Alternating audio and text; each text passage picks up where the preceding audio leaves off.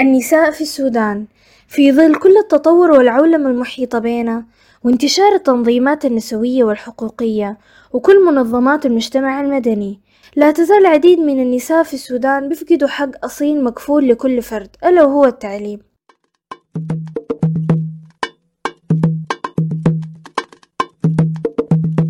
معكم بودكاست طايوب ودي حلقتنا الثانية بعنوان إحدى عشر بنتا تستحق التعليم.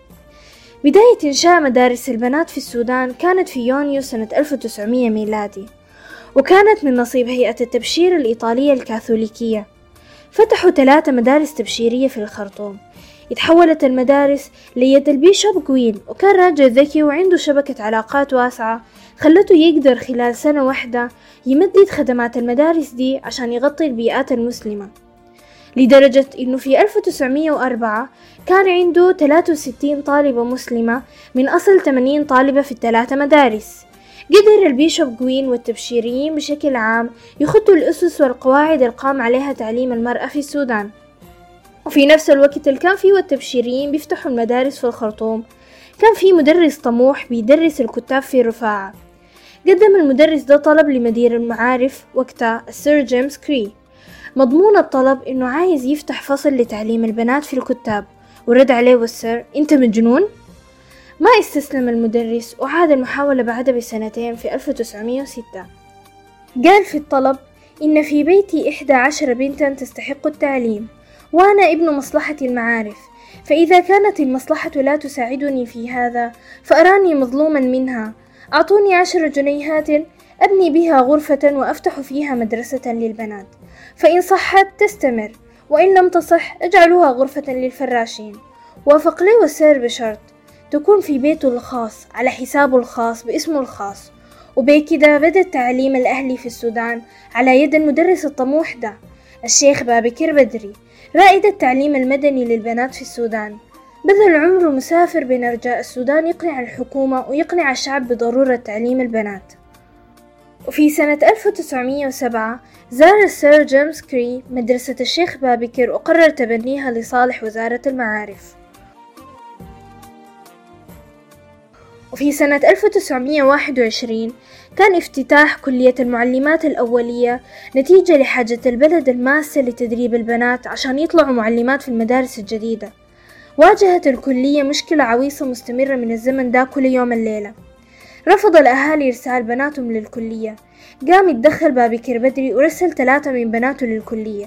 وأقنع أسرتين بإرسال بناتهم وكذا بدت أول كلية تدريب بنات في السودان بخمس طالبات بس. عميدة الكلية كان اسمها ألمس أفانس. كانت بتزور مدارس البنات عشان تقنعهم يلتحقوا بالكلية. قالت في وصف سلوكيات البنات خلطتهم إن موروثاتهن الفطرية من ميول وغرائز أقوى من موروثاتنا كثيرا فهن حساسات لأقل أنواع الاستفزاز ويرفضن أي ترفع أو تعالي وينسحبن منه وراء جدار من التحفظ. واجهت الكلية عقبات كثيرة واستمرت التحديات الاجتماعية.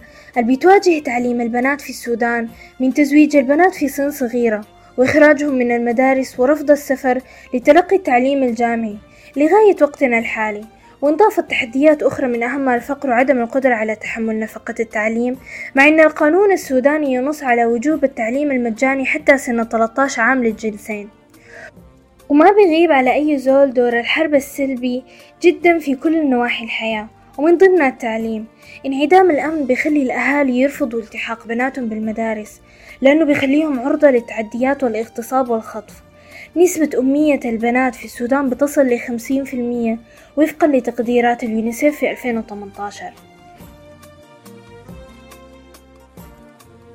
يمكن أغلب المستمعين بعيدين جغرافيا عن النسب دي. أغلبنا محاطين بنساء متعلمات وبارزات في مجالهم ملتحقين بتخصصات مختلفة.